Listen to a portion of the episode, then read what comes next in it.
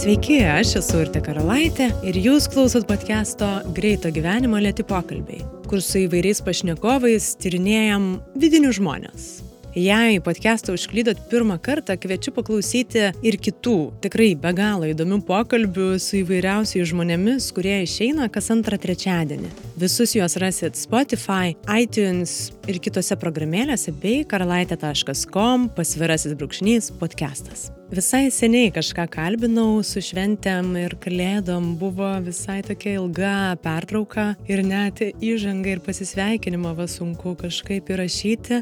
O artėjant naujiems metams galvojau, kur norėčiau podcastą ir jo turinį vesti toliau. Ir iškėliau savo tokį iššūkį - rasti daugiau ne tiek matomų ir ne tiek žinomų, bet tikrai nemažiau įdomių pašnekovų. Gal pasirodys priešingai, kad kalbinti žinomus žmonės yra didesnis iššūkis, bet iš tiesų jau jaučiu, kad atrasti tuos mažiau žinomus ir matomus perlus tikrai yra ką veikti. Ir šiandienos mano pašnekovė Juratė Danielė, kūrybinga, tvirta, jautri ir žmogum labai tikinti moteris, virš dešimt metų dirbanti pravieniškių pataisos namuose. Šis pokalbis buvo iš vienos pusės tikrai tokia loterija, nes mes su Juratė ir nebuvom nei kart susitikę.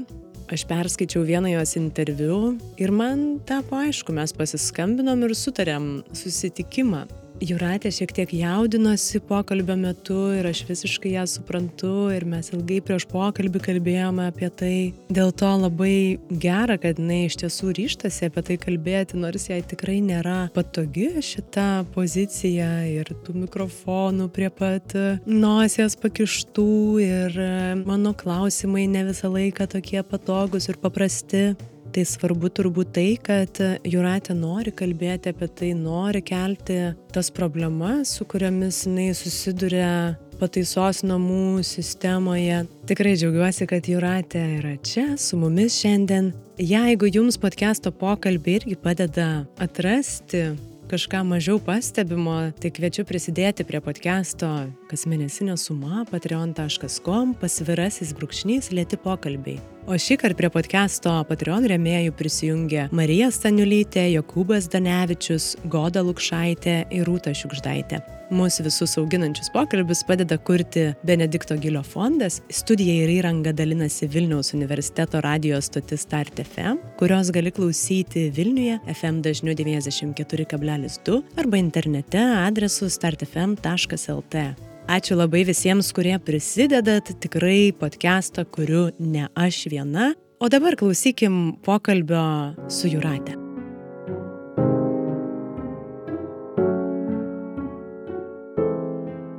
Pradžiai ir norėtųsi pasmalsauti, aš žinau, kad būtent į pataisos namus jūs dirbti atkeliavote ganėtinai atsitiktinai.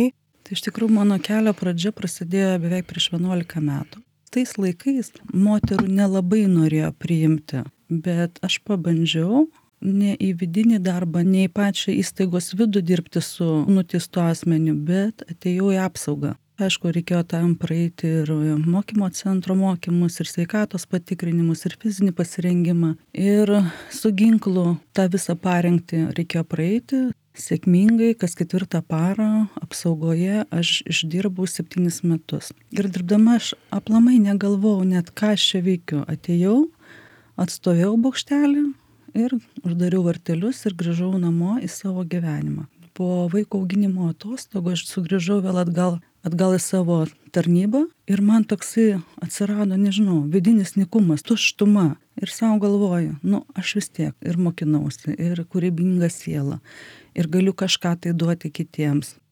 Ką aš čia veikiu? Ką aš čia darau? Tiesiog eina mano tas laikas, taip iš vis be, be nieko, be prasmės. Aš nuėjau pas įstaigos vadovą ir norėjau pasikalbėti, nes pačio vidinio darbo aš nepažinojau, bet aš pamačiau, kad labai yra viduje taip niuru, taip pilka ir tamsu juoda, jokios spalvos nėra, jokio augalo nėra, nieko nėra, tokia tuštuma. Aš galvoju, kažką reikia daryti galvoju, kodėl aš negaliu savo žinių ir idėjų pritaikyti čia.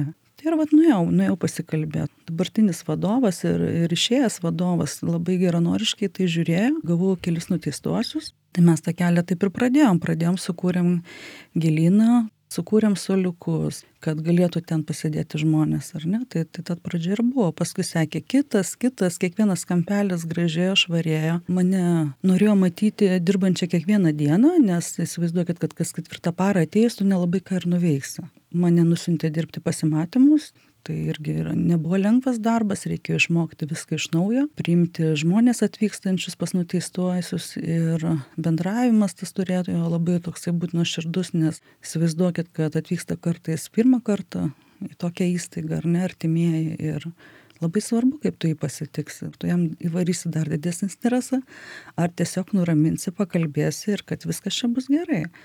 Tai dirbdama tenais, eidavau laisvo laiku tvarkyti aplinkos. Aišku, moteriai atėjus, įsivaizduokit, tu nežinai nei tų žmonių, nei nuomonės, ką jie galvoja apie mane, tu nieko. Bet kai tu turi tikslą ir tas tikslas tave veda, tu apie tai net negalvoji. Aš sėdėdavau ant žolės, karpydavau savo krūmus, o jie vaikščiodavo aplinkui, nes ten yra pasivaikščiojimo ratas, paskui po truputėlį prieidavo ir klausdavo, kas jūs tokia, ar jūs apželdintoja, kas jūs čia pasamdė, ar ir taip toliau. Sakau, vyrai, aš esu pareigūnė, daug metų dirbanti šitoje įstaigoje. Tai labai buvo daugam nuostaba, netikėjo iš tikrųjų, kad kaip gali pareigūnas ateiti, tiesiog dirbti su jais ir viską daryti kartu. Tai paskui susilaužė šitie visi dalykai ir pradėjo siūlyti ir pagalbą savo. O vėliau, po tam tikro etapo, aš atėjau dirbti į reabilitacijos centrą.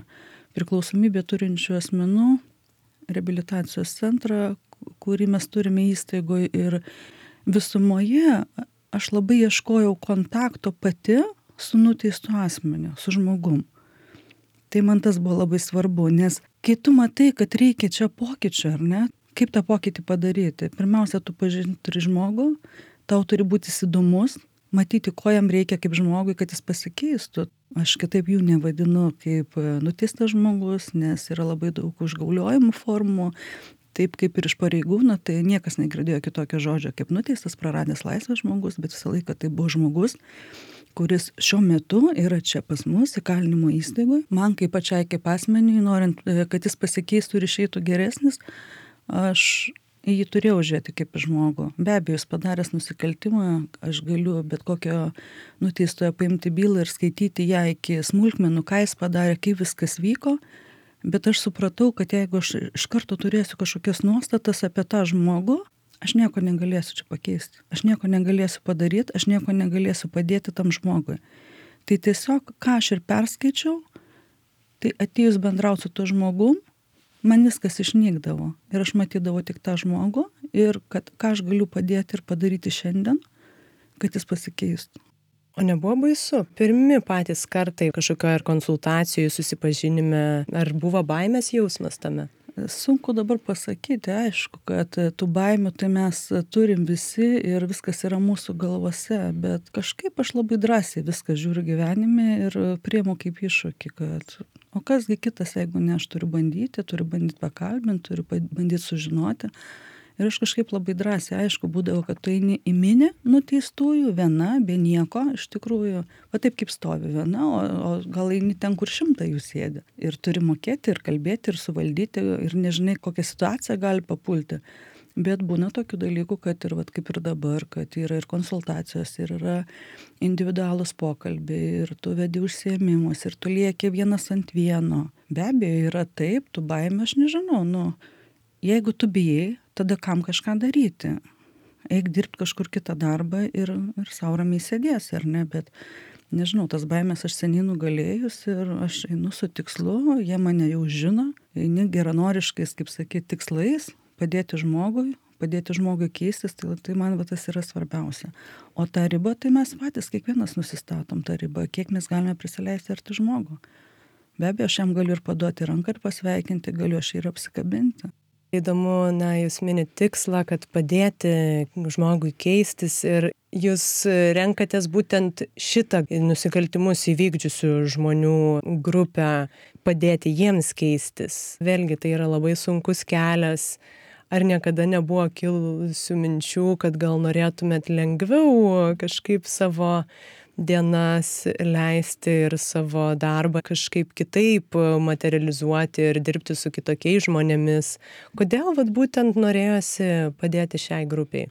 Iš tikrųjų, tai jeigu aš pati suvokčiau, kodėl taip atsitiko, tai nežinau, gal ir žinočiau tą atsakymą, bet esu iš tų žmonių, kur nesvarbu, ar aš dirbsiu su vaikais, ar aš dirbsiu su seneliais, ar neįgaliais asmenim, aš lygiai tą patį daryčiau. Lygiai tą patį. Šiai dienai aš esu čia, būtent su nuteistais asmenim ir aišku tą lengvesnį kelią mes galim kiekvienas pasirinkti ir kaip ir iš jų sako jūrate ką tu čia veiki kūrybinga eik tapyk paveikslus tu iš to išgyvensi be abejo aš tai galiu padaryti bet aš visą laiką atsakau žinokit dar čia tiek darbo nepadaryto dar tiek čia galima nuveikti kad dar man ne laikas išeit.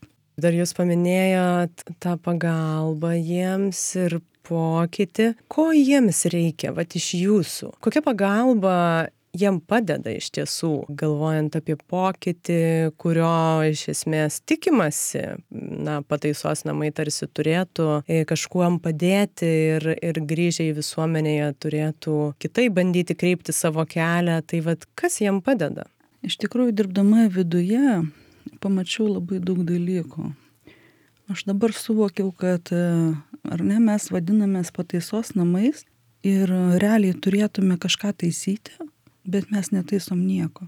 Tiesiog papuolęs žmogus turi atsidėti, atbūti tam tikrą bausmę, ar ne?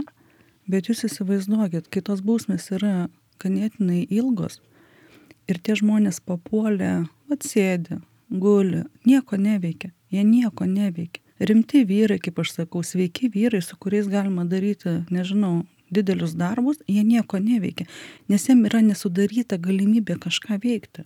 Mes planuose numatom kad jiem įsidarbinti būtinumas bet realiai tų darbo vietų yra labai mažai ir jų dar mažėja tai realiai ten nežinau mažas procentas kuris gali dirbti mes norim juos keisti kad jie pasikeistų bet mes nieko nedarom kad jie keistųsi.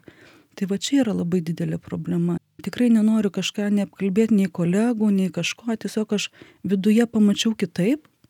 Galbūt nei kiti mato ir galim daug ką šnekėt ar ne ar supuvus sistema bet mes kažką turim daryti patys. Mes kiekvienas turim pradėti nuo savęs ką aš galiu padaryti ar ne. Kaip man pasako kolegos pareigūnai ar ne?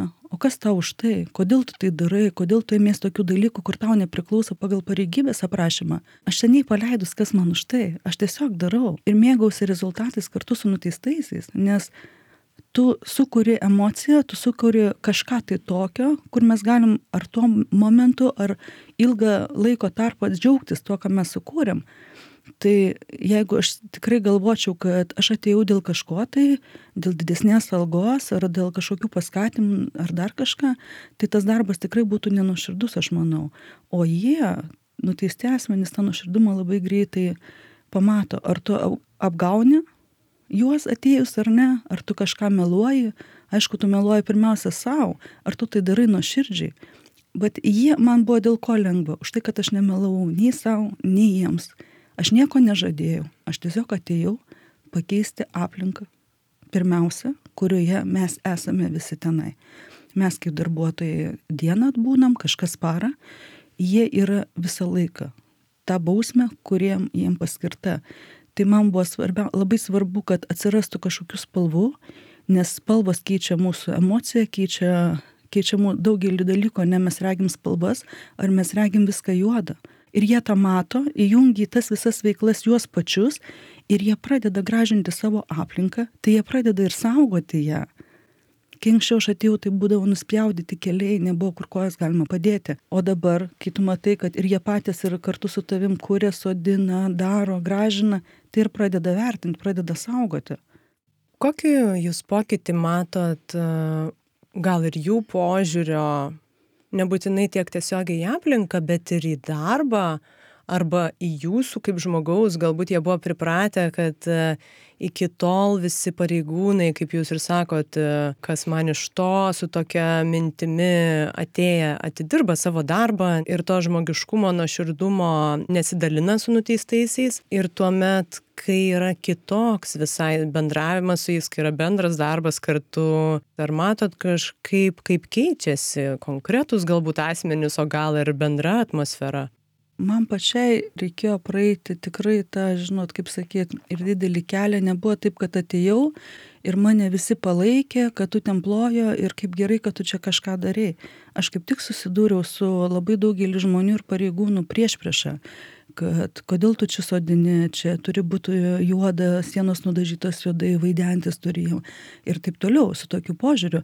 Ir aplamai, kaip tu čia su jais bendrauji, nes aš galėdavau praeiti pasisveikinti paklausti kaip tau sekas kaip tavo šeima man buvo įdomu aš daug ką pažinojau nes iš pasimatymų kai tu dirbai tu matydavai kad atvažiuoja vaikai šeimos tėvai ar ne? Daugeliui buvo labai ką tu čia kokio tu čia kontakto ieškai? Gal tu kažkokius draudžiamus daiktus gal neši ar tai per tokius dalykus reikėjo pereiti ne tai nebuvo lengva ir kaip sakyt buvo momentų kad aš norėjau spjauti viską ir išeiti nes aš nesuprasdavau kodėl žmonės taip elgiasi kodėl jie kartais tampa blogesni negu tie nuteistieji.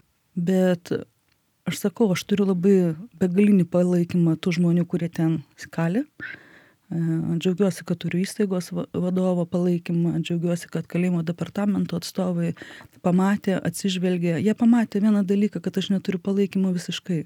Jokio.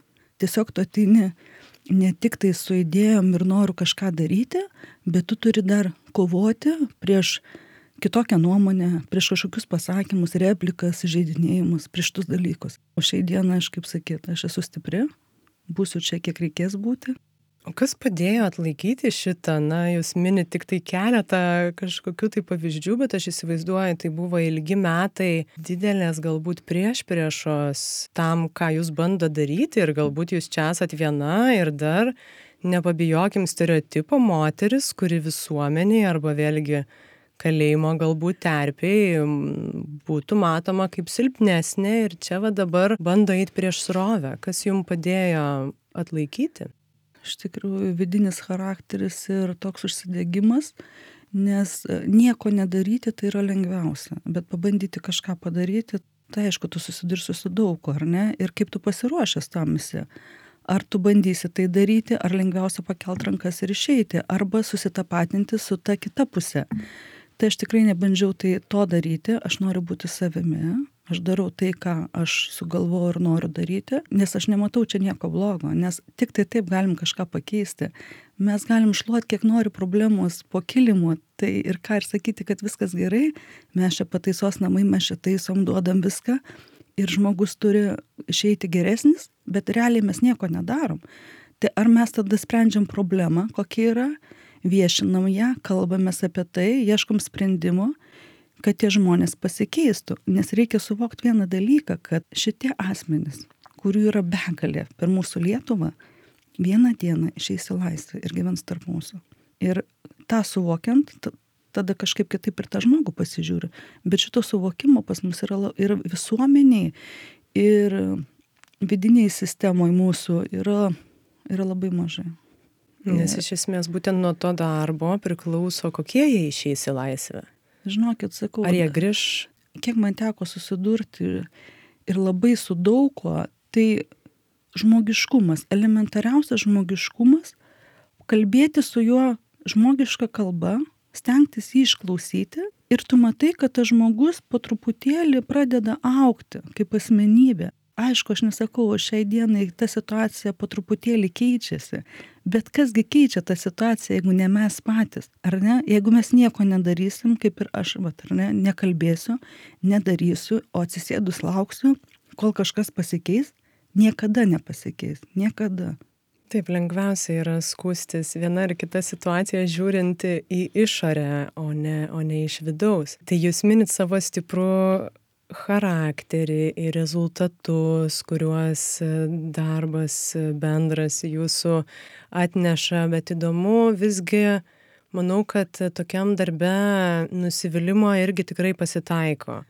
Žmonės, mes visi esam linkę kartoti klaidas ir aš įsivaizduoju, vyrai, su kuriais susidurėt savo darbe, paslysta galbūt ir vėl, ir jūs tikėjote jais, kas padeda kažkaip nepasiduoti va tam nusivylimui ir nuvilimui ir vis dar tikėti ir jais, ir tuo konkrečiu asmeniu, bet gal ir plačiau, kad vis dar yra viltis pokyčiui ne vienam yra ištiesta pagalbos ranka ir galbūt ne vieną ir ne du kartus. Nu, vat, kad ir dabar, ar ne paskutiniu vat, metu padėjau žmonėm, motivavau juos e, ateiti į mūsų centrą, priklausomybės gydytis, pradėti keistis, nes aš mačiau, kad tikrai normalų žmonės, normalūs jauni vyrai suklydė gan jauni, sėdintis jau ilgą tarpą ir man kažkaip norėjosi padėti jiem pamatyti kitokį gyvenimą, kitas spalvas, užimtumą, kaip gali žmogus pasikeisti.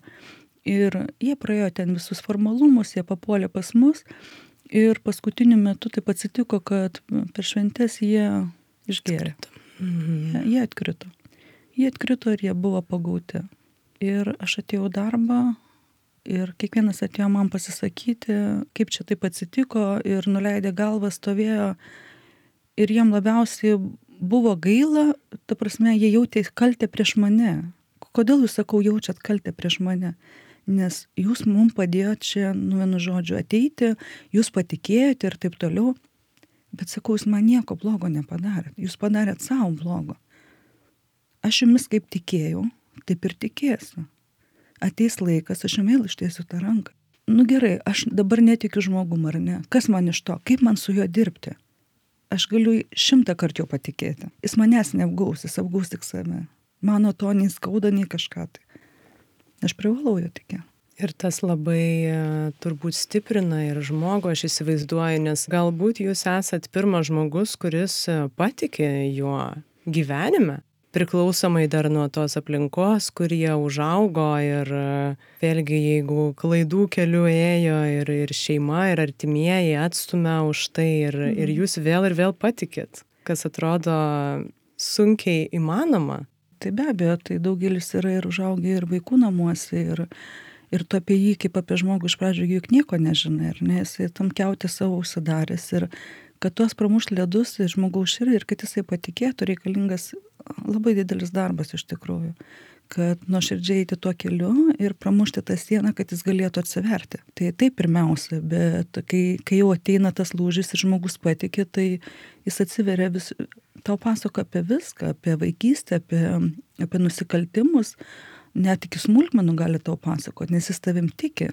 Nors iš pradžių būdavo taip, kad tu esi patikrinama aplamai kaip, kaip pareigūnė. Ir ta nuostata yra pareigūnas ar ne ir mes.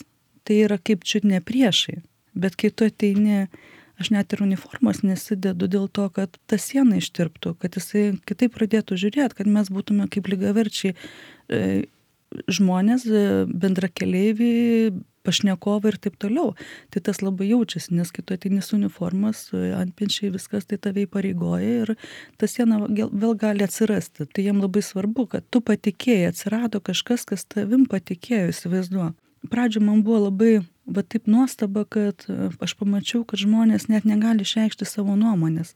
Prieš pareigūną negali pasakyti nieko, nes tu kaip neskaitomas kaip žmogus, tavo nuomonė visiškai niekam nerūpi, ką tu čia kalbė. Ir kai pradedi dirbti su juo ir tu sakai, tai jūs kiekvienas esate asmenybė, jūs turite turėti savo nuomonę, jūs turite galėti ją išreikšti ir tada po truputėlį pamatai kad kažkam svarbi tavo nuomonė ar ne? Aš galiu kažkam kažką pasakyti su kažkuo pasitarti ir jis pradeda augt kaip asmenybė. Nors sunaikinti vėl tą pasitikėjimą savim irgi labai lengva. Tai labai labai slidus dalykas iš tikrųjų. Nes iš tiesų galvojant vat jeigu jų vaikystė paauglystė jaunystė prabėgo irgi tokioj aplinkoj kur buvo netikima jais ir nepasitikėjimas savim augo ateina į šitą kalėjimų sistemą kur vėl yra netikima ir tu esi parodomas kaip nereikalingas ir nevertingas aš įsivaizduoju kad jiems susidaro toks įspūdis kad jie niekam nėra reikalingi ir vertingi. Jie išeis iš kalėjimo kur jų tikrai niekas nelaukia iš tiesų. Ir tu vėl esi tas išėjęs iš kalėjimo nereikalingas nevertingas. Tai kad tą pakeisti požiūrį į save iš tiesų. Tai yra tiesa ką jūs sakot ir sakau daugelis žmonių papuola į įstaigą jauno amžiaus ir tas amžius labai jaunėja. Ir nepilnamečių kolonija, ar ne, va ten irgi reikėtų darbą padaryti savo su nutisto asmeniu. Bet iš vaikystės labai daug atsinešama negerų dalykų. Nes žinokit, kai pradedi užkabinti vaikystės dalykus, tu matai, kad iš ten yra problema, iš ten yra nuoskaudas, iš ten yra neišmylėti tie vaikai, kurie paskui gyvena gatvėse arba savo kažkokiais tai veiksmais bando eiti prieš srovę, daryti kažkokius e, negerus dalykus ar ne, kad atkreipdėmėsi į save, nes aš esu niekam nebeįdomus. Nu manęs nusisuko tėvai ar ne, nu, ar ten ar paliko mane. Ir ką iš tokio žmogaus? Tai be abejo, tai yra pats potencialus nusikaltelis, kuris yra eina to keliu. Ir gerai, jisai dabar papuolė į tą įstaigą ar ne, į mūsų pataisos namus, galim sakyti. Kiti dėkoja, kad čia papuoliau Nesako, jeigu aš čia būčiau nepapuolęs, tai aš būčiau numiręs šiai dienai. Nes va, nusivartojęs buvau juodai, o aš papuoliau centrą, aš ėjau sveikimo keliu ir aš dabar galiu padėti kitam. Ir aš dėkingas esu čia, kad čia papuoliau. Yra tokių atvejų. Bet jūs įsivaizduokit, kad tas žmogus nereikalingas buvo, papuolė čia, čia niekam nereikalingas, su juo niekas nedirba, jo niekas neišklauso, jam vidu juk tai skauda. Jis kažkaip turi vėl parodyti ne pačiais geriausiais būdais, kad į jį atkreiptų dėmesį. Ir ta virtinė nusikaltimų ir toliau tęsiasi. Bet jeigu mes stengsimės dirbti su tuo žmogum, atkreipti į dėmesį, bendrauti su juo, galbūt užkabinti ir vaikystės kažkokias problemas, bandyti jam spręs, bandyti padėti, kad jis atleistų, kad ir tiem tėvam, nes jie gyvena su dideliam nuoskaudom labai. Ir atrasti savyje tikėjimo, galbūt Dievą atrasti ir eiti tuo keliu. Aišku, kaip sakyt, kiekvienas mes turim atsakingi už save, bet kiti yra per silpni, kad pakeistų savo gyvenimus. Kartais reikia paduoti ranką ir tuos pirmus žingsnius žengti kartu su jais, kad tas žmogus susikabintų ir nueitų geresniu keliu. Ir nebūtinai, na, jūs minit, kad per silpni, tai taip be abejo, bet jie ir, jie nepažįsta kitaip, nes jie galbūt nėra matę kitaip. Tai jiem įsivaizduoti, kad gali būti kitaip, yra neįmanoma. Jie nematė jokio paveikslėlio, pavyzdžio. Tai aš įsivaizduoju, kad ir, vat, ir nusikalstama veikla iš tiesų ir didžiulio pykčio pasiekmes, kurios, kurios tempėsi iš įvairiausių traumų man norisi truputį dabar atitolti. Jūs pati auginate tris vaikus, ar ne? Taip. Ir man įdomu, kaip vis tiek matydama, kaip žmogus vystosi ir vat, su kokiomis ir nuoskaudom ir traumom atėjo čia į šitą tašką suaugusio žmogaus, kaip galbūt keičiasi jūsų požiūris į auklėjimą vaiko, kaip jūs ugdote savo vaikus? Aš labai gerai atsimenu pirmiausia tai savo vaikystę kur joje irgi buvo labai visko. Tikrai nebuvau vaikas mylinčioj šeimoj iš tikrųjų ir tėvai buvo ir priklausantys asmenys turėjo priklausomybes ir aš nuo vaikystės gyvenau suaugusio gyvenimą. Tai yra kad aš turėjau pati kovot už viską aš žinau kad man nieks nepadės ir vat ėjau tuo keliu ir manęs kaip aš sakau mama nėra taip kad apkabinus pasakius kaip aš tave myliu to nėra buvę. Bet galbūt jinai mylėjo kažkaip kitaip galbūt nemokėjo parodyt gal užsidaręs žmogus buvo šiai dienai aš abiejų tėvų neturiu. Ir aš augindama savo vaikus aš kaip tik noriu ko aš neturėjau tą duoti jiems. Tai sakau per dieną šimtą kart pasakyta myliu apsikabinta pasakyta kokie jūs man esat svarbus. Tą ir darau su kitais žmonėm. Tai man svetimą žmogų sakau pasakyti jam gražų žodį palinkėjimą, komplimentą, apsikabinti, man tai nieko nekainuoja. Bet įdomu, jūs minit, na, visi mes įvairiausias skirtingas vaikystės pergyvenę, netrūksta ten sudėtingų kažkokių dalykų ir jūs vat minit, kad ir priklausomybės buvo. Vienas iš tokios vaikystės išeina su nuoskauda ir pykčiu, o jūs kažkaip lengviau, ar jūs sugebėjot atleisti, ar nebuvo kažkokio tai pykčio savo šeimai už tai, ko jūs neturėjote? Be abejo, žinokit, tikrai nebuvo taip anksčiau, kaip aš dabar elgiuosi. Tos nuoskaudos buvo visą laiką ir pykčio buvo, ir minčių visokių buvo. Aš netgi dabar irgi specialiai jau priklausomybių lygų konsultantų mokymus, kad sugebėti atpažinti, kas tai yra, kad aš visą laiką galvojau, kad tai yra valios toka, kad va aš galiu, kodėl kitas negali ar ne, nevartoti, ar, ar nerūkyti, ar dar kažko tai. Bet iš tikrųjų tai yra lyga ir baisi lyga, nuo kurios ir nepasveikstama. Tai tų visokių dalykų buvo, bet turbūt tas, nežinau, tu gyveni ir mokaiesi, sutinki tam tikrus žmonės. Aš ir įkalinimo įstaigai sutikau nuteistus asmenys, kur aš mokinausi iš jų, ne tik tai mokinu aš juos, bet aš gaunu ir iš jų labai daug.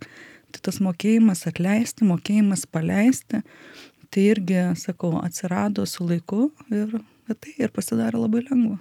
Dar prie vaikų jūsų noriu truputį grįžti bausmė. Vaikų auklėjime, man atrodo, visi mes susidūrę su įvairiausiam bausmėm, bausmelėm, ar tai smulkmena, ar nežinau, ten kažkokios tai griežtesnės bausmės, nuo auklėjimo galbūt priklauso.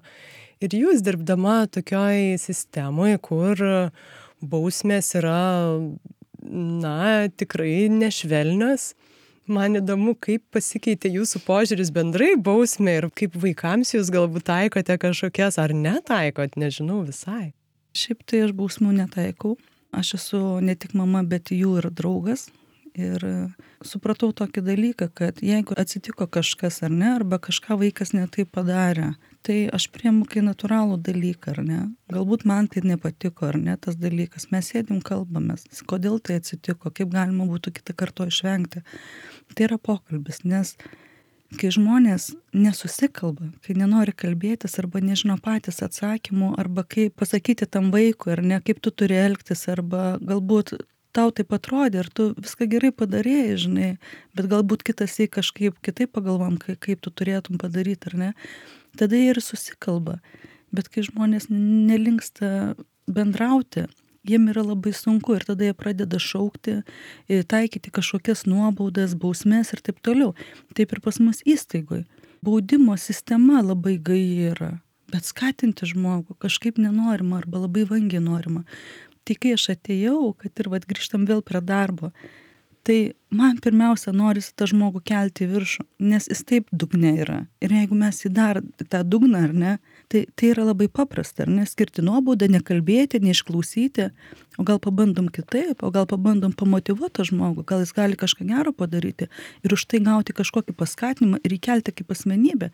Taip ir su vaikais yra, tai kalbėtis, kalbėtis. O kaip vaikai, e, na vis tiek jie žino, kur jūs dirbate, kaip jų požiūris į patį kalėjimą, aš puikiai atsimenu, kaip mes e, žiūrėjom vaikystėje ir, na, stereotipai nuteistuosius daugmaž visuomenėj ypač anksčiau buvo visiškai vienodi ir vat jūsų vaikai turi visiškai išskirtinę galimybę truputį kitaip išgirsti galbūt kažkokių ir pasakojimų, kaip jie žiūri. Jeigu būna jiem įdomu ir tikrai pasakoju, nors dukros su manim negyvena, bet tikrai kontaktuojam, kad ir pavyzdžiui, ir neturime kalėdinius vaidinimus. E, vaidinam kartu su nuteistaisiais, kuriam aprangas, kuriam interjero detalės ir jie duoda man irgi vaidmenį ir kartu tą darom ir grįžus namo pasakoju, tai, koks tai buvo vaidinimas, e, ką mes vaidinam, čia kuo aš buvau ir taip toliau. Va tokius pasakojimus, kaip jie girdi, tai ir man jos ir sako, ką jie darytų be tavęs. Jie nesako, kad ne, tu išeik iš to darbo, tu tokia ar anokia grįžti, ar susinervaus, ar ne. Aš įsivaizduoju, kantrybė yra irgi labai svarbus turbūt ir jūsų darbe momentas jūs minit ir tą stiprybę ir, ir, ir tvirtumą ir kovojimą dėl savo tikslo, bet kantrybė irgi turbūt ten visai veikia. Kas padeda tai tauriai nepersipildyti? Būna visokių situacijų ir buvo turbūt visokių situacijų. Būna, kad naujai atvykęs žmogus ar net ateini jo kalbinti, o jis ant tave šaukia visokie žodžiai, žinai, ir, ir galvoja, taip sėdi kvepuoja ir galvoja, nu kas toliau, kas toliau, galbūt jis ten šoks prieš tave, žinai, fizinė jėga panaudos ar dar kažką. Ir taip galvoja, save taip sulaikai, gerai, aš tavęs išklausiau, žinai, sėskis pakalbam, aš tau nieko nenoriu blogo padaryti, ar ne, aš noriu tavęs išklausyti. Pamatai, žmogus rimsta, ar ne? tai ta kantrybė kaip sakyt kad tave išprovokuotų. Ten labai yra dažnas atvejis. Kaip tu moki tai susivaldyti, ar ne? Kaip tu moki pasižiūrėti visus tos dalykus, žinai. Ar tu gali irgi vėl pradėti šaukti ant to žmogaus, arba smurtą kažkokį naudoti, ar ne visokių stacijų gali būti. Bet tu tiesiog nurimsti ir pagalvoji, o palauk, aš šio vietoje būčiau, gal aš dar netaip elgčiaus, ar ne? Tai paskui nurimsti, pradedi kalbėtis, pasakai jam, kad žinai, ką dabar norėčiau padaryti, aš norėčiau tave apsikabinti. Ir ištirpsta viskas. Pas didžiausias gali būti, aš nežinau, pilniausias negatyvus žmogus, jis pamato, kad, o tai kaip čia, o tai ne, negavau agresijos, o tai atgal ar ne, o čia visai kitaip bendrauju su manim. Na, čia ir ne, nebūtinai šituose bendravimuose, bet ir mūsų kasdieniuose bendravimuose, šeimose, porose, ar net ir su draugais konfliktinėse kažkokiose situacijose mes esam linkę save ginti ir mhm. nežinau, gavę kažkokį tai įžeidimą ar kažkokį tai mūsų netenkinantį pasisakymą ar veiksmą mūsų pusėn mes e, norim pulti atgal ir, ir tai yra labai dažnas. Čia labai daug samoningumo reikalauja, kad va tame momente atpažinti ir save sulaikyti kaip jūs mhm. nežinau to iš kur iš kur to mokotės? Jaunystėje iš tikrųjų buvau labai impulsyvi ir turbūt kerštas kerštu būdavo pasakymas dar dešimt kartų dar pasakymas atgal ar ne? E, tikrai buvau iš tų žmonių kur turėjau pati kovot už save kovot už silpnesnį ir tikrai nebuvau nuolanki visiems ir tikrai ne to turbūt gyvenimas išmokė ir daugelį tokių situacijų, kad kaip tu sureaguoji, gerai, aš, jeigu ant mane šaukia ir aš pradedu atgal šaukti dar garsiau, ar ne, čia mes įsprendėm kažką, tai ar mes toliau susinervam ir nieko nepasiekėm. Jeigu konfliktinė situacija, jeigu smurtas psichologinis ar fizinis, visko gyvenime buvo iš tikrųjų, e, gyvenimo kelią labai įvairių praėjau.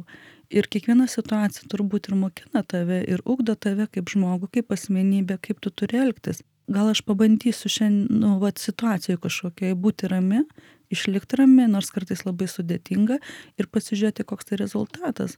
Būna kartais, kad ir šaukiant tavęs kolegą, o tu sėdi, žiūri šipsais ir galvoji viduje, kaip man tavęs gaila, kaip man tavęs gaila, kad tu esi toks nelaimingas. Čia daug ramybės tame yra. Kur jūs randat ramybę? Turbūt ta dvasinė ramybė, tai tikėjime, aišku, tikėjime, nes ir, ir maldoje, ir kiekvienos dienos dėkojame, kas, kas nutinka, bet ir kūryboje. Nes grįžus namo, kai turiu laisvo laiko, tai tikrai būnu su kūryba ir, ir tai mane vėl pripildo. Jūs tapote, ar ne, o daug metų jau šita veikla jūsų gyvenime? Tapau šešis su pusę metų daug parodų personalinių surengta ir su kitais dailininkais, menininkais ir dalyvavom ir pleneruose. Prieš tai jau norėjau klausti ir dabar turbūt jūs pati ir atsakėte tą klausimą, dirbdama tokioj srityje ir dirbdama su žmonėm ir su sudėtingom situacijom ir labai daug duodama, dovanodama jiems savo energijos ir to tikėjimo, kurį jie kartais pamina, kaip nepametat savęs. Kas čia padeda išlaikyti save ir, ir savo be abejo ir ramų protą ir kažkaip ir, ir nervų sistemą saugoti ir dvasinę ramybę ir po to darbo ir po sunkių kažkokių tai momentų, kad jūs vis dar esate jūratė, kuri turi savo aistras ir, ir šeimą. Pirmiausia, tai norint gauti kažką, tai turi duoti. Duoti, nežinau, tu gali duoti, antiek mes žmonės galim daug ką duoti kitam, ar ne? Nu, aš sakau, pradedant net ir nuo šypsenas kiekvieną dieną. Aš ateinu į darbą su šypsena, su gera nuotaika, su gerom mintimis irgi rengiuosi ryškiai, kad nešiau spalvas, ateinu va taip pat į darbą, ar ne, sutinki žmonės, su jais kalbėsi. Nežinau, aš sakau, viskas grįžta bumerangu, ką mes duodame. Jeigu mes duosim pyktį, duosim tą pagėžą, nenorą bendrauti, nenorą dalintis, tai mes tą ir gausim. Bet kai tu save atiduodi, nelaukdamas gražos, bet viskas grįžta.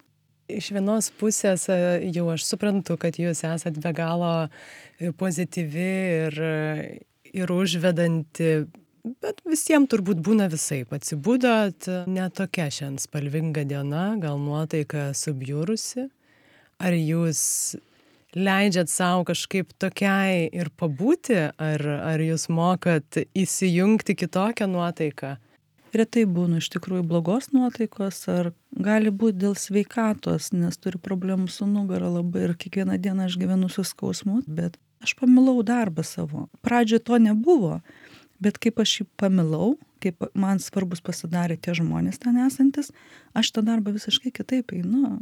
Mano ta nuotaika kita, nes aš noriu juos sutikti, man jį rūpi. Kas toliau, Juratė? Kokie jūsų planai? Oi, planų iš tikrųjų yra daug, tai atnaujinti įstaigos biblioteką, pirmiausia norėčiau ne tik interjerą, spalvas, bet ir papildyti naujomis knygomis. Knyga yra ten labai svarbi, nes knygoje mes žinom, kad yra labai daug atsakymų gyvenime, ar ne? Mes turime nemažai tų knygų, bet yra labai kitos morališkai pasenusios. Ne, aš nesakau, kad tai yra neįdomios ar nereikalingos, bet yra begalė naujų knygų išleista, kur tikrai turi atsirasti pas mus ir būti prieinamos mūsų skaitytojų esančių tenais. Ir kartais tam žmogui, būnant ten, ta knyga yra vienintelis draugas ir vienintelis į klausimus atsakovas ta knyga. Toliau labai norėčiau, dar labai tyliai kalbu iš tikrųjų, bet jau šiandien kalbu garsiai, nes kai garsiai pasakai, tai tos idėjos ir tavo realizuojasi, tai įrengti oranžeriją augalų padaryti tokią žalią zoną, kurioje galėtų nuteistieji dirbti, ateiti, prižiūrėti augalus, kad galėtų ten ateiti pareigūnas, galbūt atsikvė penkias minutės pabūti žaliojo Azijai ir įgauti jėgų.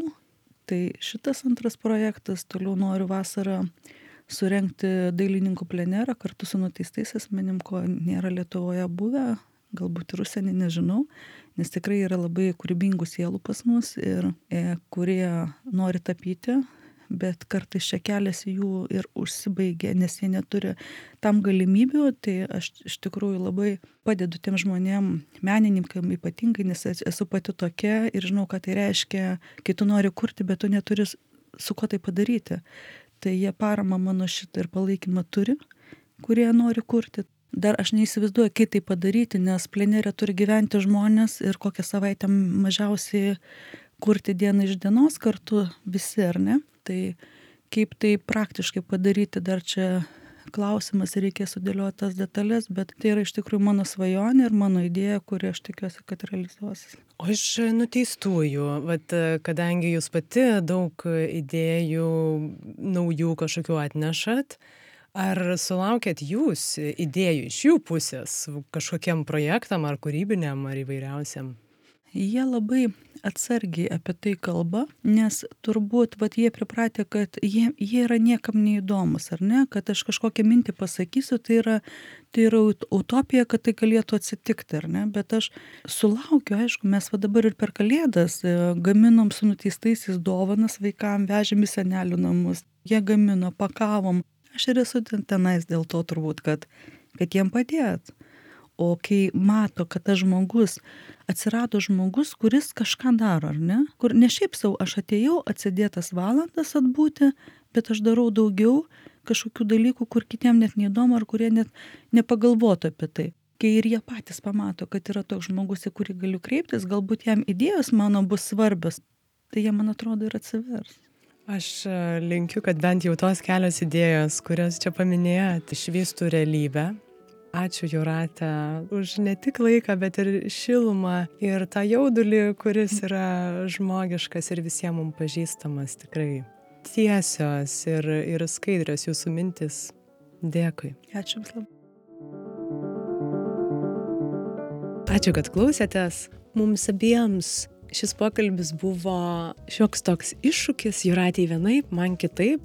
Jaučiau jos jaudulį ir visą laiką pati nerimavau kaip padėti žmogui atsipalaiduoti nebijoti savęs kiekvieno savo žodžio. Turbūt dalį to jaudulio ir perėmiau pati ir tai yra toks irgi malonus bendrumas su pašnekovu kai bandome ir rasti kažkokį tai mūsų tarpusavio santykį ir dar megzti pokalbį kuris išeina toliau į klausytojo ausis ir kažkaip ieškoti tų priėjimų prie tų temų ir klausimų kurie atrodo svarbūs ir ir vertingi ir pabandyti juos kažkaip atrakinti Tikrai jaučiu, kad Jūratėjai pavyko kažkaip truputį atsipalaiduoti ir pasidalinti savimi ir savo mintimis iš to kasdienio atrodytų, vad jos rutininio, bet tikrai labai svarbaus darbo.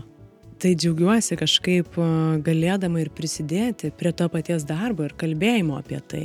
Nepraleiskit naujų epizodų, sekdami podcastą Instagram ir Facebook paskyrose arba prenumeruodami jį podcast'o klausimosi programėlėse. Beje, jei jums patinka podcast'o pokalbiai, palikit atsiliepimą Facebook ar iTunes platformose. Podcast'ui visų jūsų prisidėjimas ir palaikymas labai svarbu ir jeigu galit prisidėti finansiškai, tai visada labai džiaugsimės bet kokia jums tinkama kasmėnesinė suma patreon.com pasvirasis brūkšnys lėti pokalbiai. Arba dalinkitės labiausiai patikusiais pokalbiais socialiniuose tinkluose, nes tai tikrai jau labai daug yra. Podcastą remia Benedikto Gilio fondas. Pokalbis įrašytas Vilniaus universiteto radijos stoties Start FM studijai. Start FM gali klausyti Vilniuje FM dažniu 94,2 ir internete adresu startfm.lt. Ačiū visiems, nepamirškim, kad pokyčiai pirmiausia vyksta mūsų viduje ir tada nuo mūsų pačių žingsnių. Tikiu, kad plinta toliau. Su jumis podcastas Greito gyvenimo lėti pokalbiai ir aš, Urte Karalaitė. Iki kitų kartų.